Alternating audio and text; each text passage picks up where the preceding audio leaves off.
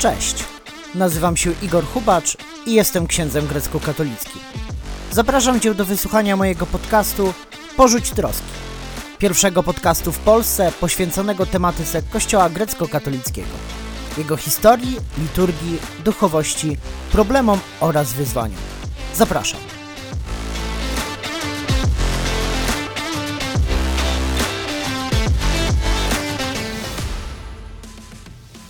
Witajcie w kolejnym odcinku mojego podcastu.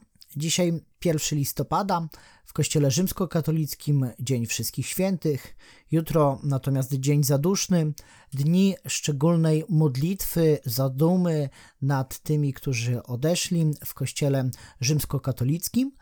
I chciałem dzisiaj powiedzieć o modlitwie za zmarłych w Kościele Grecko-katolickim.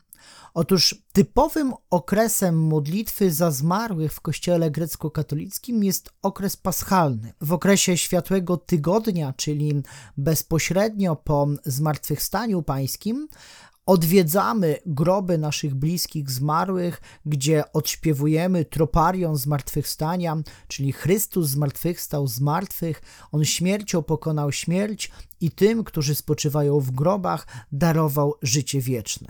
Ponadto wspominamy zmarłych w tak zwane zaupokijne soboty, czyli kilka sobot w ciągu roku liturgicznego, które dosłownie są sobotami modlitwy w intencji spokoju dusz zmarłych. Kolejnym dniem szczególnej modlitwy w intencji zmarłych w trakcie roku liturgicznego jest wspomnienie świętego Dymitra z Tesalonik, które przypada na 26 października w kalendarzu juliańskim, co przypada na datę 8 listopada według kalendarza gregoriańskiego. Oczywiście dzień 1 listopada jest dla nas również dniem szczególnym. Nasi wierni również odwiedzają w tym okresie groby swoich bliskich zmarłych, szanując y, przy tym tradycję, która jest obecna w Kościele Rzymskokatolickim, tradycję, która jest obecna w Polsce, również w świątyniach grecko-katolickich często sprawowane są w ten dzień panachydy oraz parastasy, czyli nabożeństwa żałobne. 1 listopada jest również dniem szczególnym dla wiernych Kościoła grecko-katolickiego jeszcze z dwóch powodów. Po pierwsze, jest to liturgiczne wspomnienie błogosławionego męczennika Teodora Romży, biskupa Mukaczewskiego, zamordowanego na polecenie NKWD. 1 listopada to również rocznica śmierci sługi Bożego metropolity Andrzeja Szeptyckiego, któremu zapewne poświęcony będzie jeden z odcinków podcastu.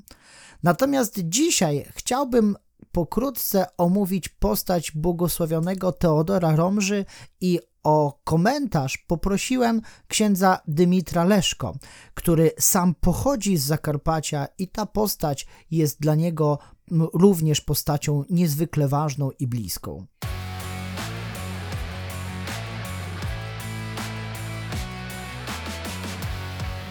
Moim gościem jest ksiądz dr Dymitr Leszko, administrator parafii grecko-katolickiej w Toruniu.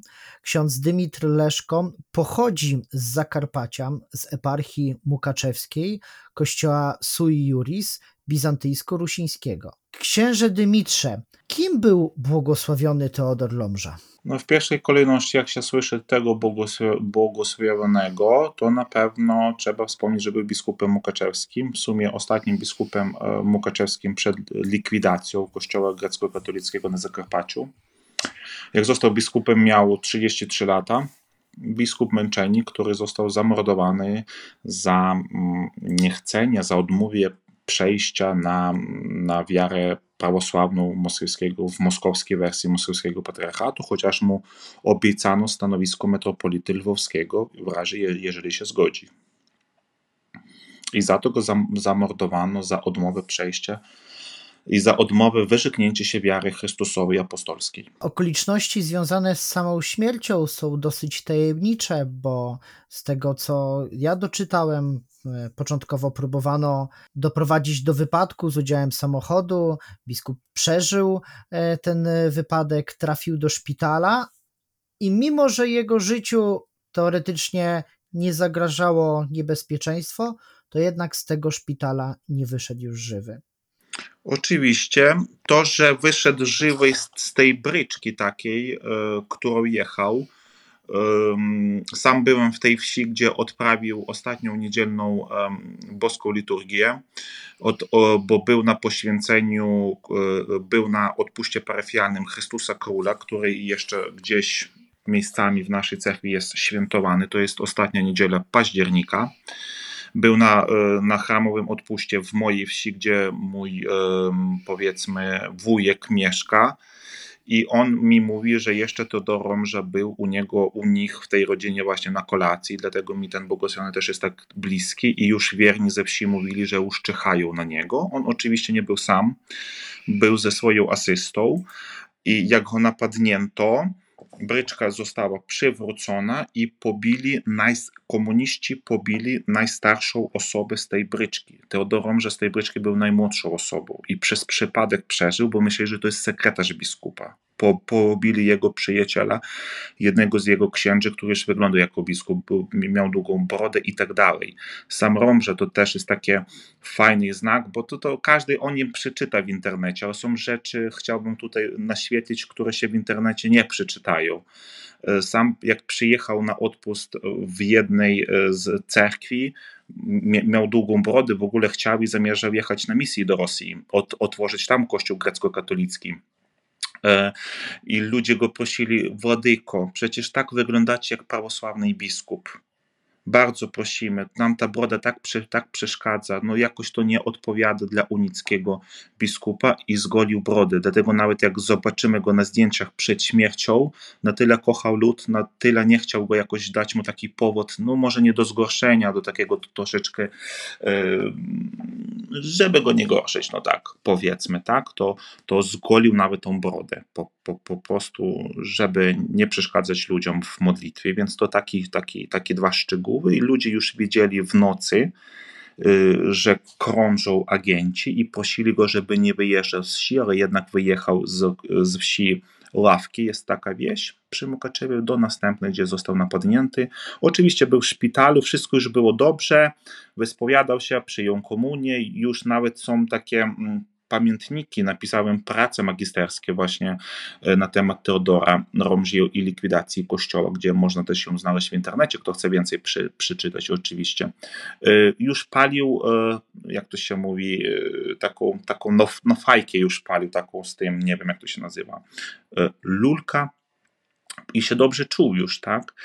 I tylko właśnie agentura i sam Chruszczow polecił go zabić i w nocy nawet jest takie troszeczkę niedorozumienie. W Mukaczewskim kościele wspomnienie mamy 31 października, w naszej cerkwi ukraińskiej mamy 1 listopada. To nierozumienie się poniekąd bierze z tego, że on zmarł w pół do 12 czasu kijowskiego, a zapisano, że zmarł za czasem moskiewskim. To było pół do pierwszej, o pierwsza w nocy. Więc ta godzina troszeczkę taką odegrała rolę i żeby wrócić do historycznej sprawiedliwości, eparchia Mukaczewska zwróciła się do kongregacji o zmianę daty świętowania. To jest jedna wersja, która usłyszałem i uważam ma miejsce i też jest prawdziwa. Druga wersja, że dlatego przesunięto go na 31 października świętowanie, bo 1 listopada w eparchii mukaczewskiej jest dzień obchodzenia wszystkich dusz wiernych zmarłych. Może by ksiądz powiedział trochę więcej o tym, bo Kościół na Zakarpaciu, można powiedzieć, w swojej tradycji jest bardzo różnorodny i pewne zwyczaje pokrywają się z zwyczajami obecnymi w ukraińskim kościele grecko-katolickim, natomiast niektóre są, e, powiedziałbym, autonomiczne dla tego kościoła sui juris. I tak jak powiedziałeś o świętowaniu wszystkich świętych, właśnie jak to wygląda w kościele w Mukaczewskiej cerkwi?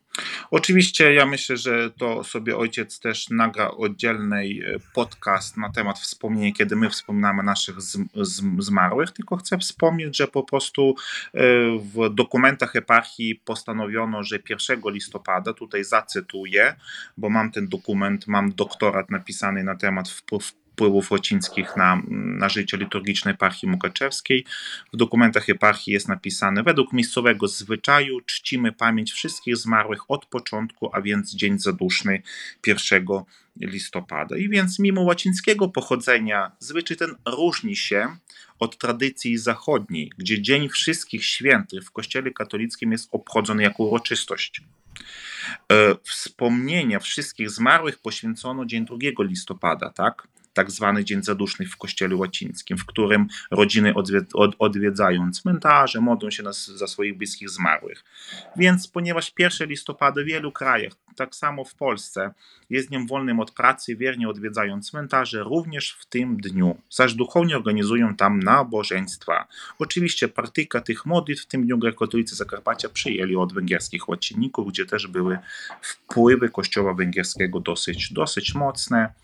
Jak powiedział jeden z przedwojennych biskupów mukaczewskich, nie ma ani łacińskich, ani greckich sposobów na, dla zbawienia duszy. Wszystkie są dobre, które do Pana Boga prowadzą. A ostatnie jeszcze pytanie, a proszę powiedz mi, jak wygląda kult błogosławionego e, męczennika Teodora Romży e, na Zakarpaciu? Czy jest on żywy? Jest bardzo żywy kult. Jego szczątki są w katedrze w Użgorodzie przy bocznym ołtarzu sama historia odnalezienia jego szczątków jest bardzo ciekawa, bo w 90 latach nie wiedziano, gdzie jest pochowany.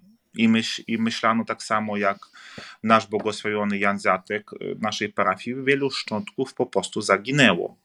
Przez przypadek, przez cud, nawet jest taki film, filmik na YouTube'iku, gdzie po prostu otwierano krypty y, katedry użgorodzkiej i jak otwarto kryptę, ktoś tam był pochowany i tak dalej, przez przypadek jakoś tam oni dotknęli tylnej ściany krypty i zobaczyli, że jeszcze coś tam jest.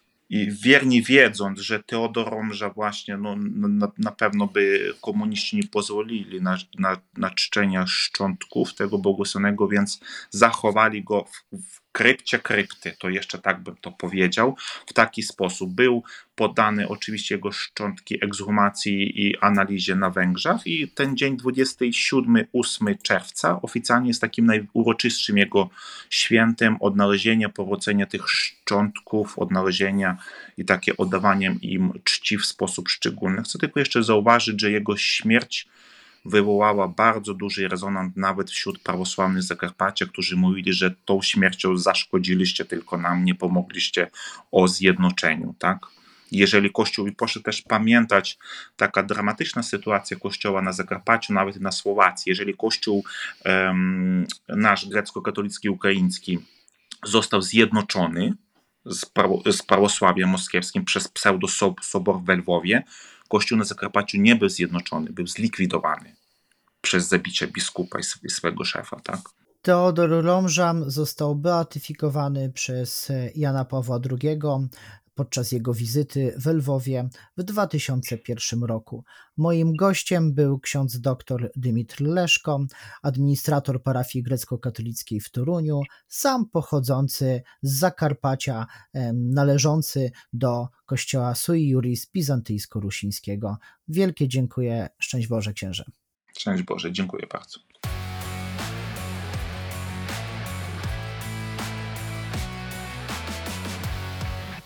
Wysłuchaliście podcastu Porzuć Troski. Podcastu można wysłuchać na platformach Spotify, Google Podcast i Apple Podcast. Jeśli Ci się spodobało, zasubskrybuj podcast na jednej z tych platform, udostępnij w mediach społecznościowych, skomentuj lub napisz do mnie w wiadomości prywatnej. Jeśli chciałbyś wesprzeć podcast, zapraszam Cię do mojego profilu na Patronite.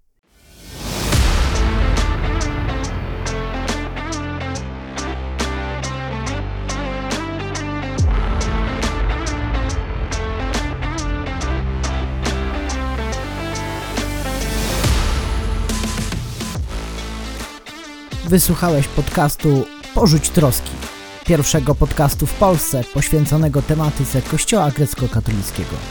Za uwagę dziękuję ksiądz Igor Chubacz.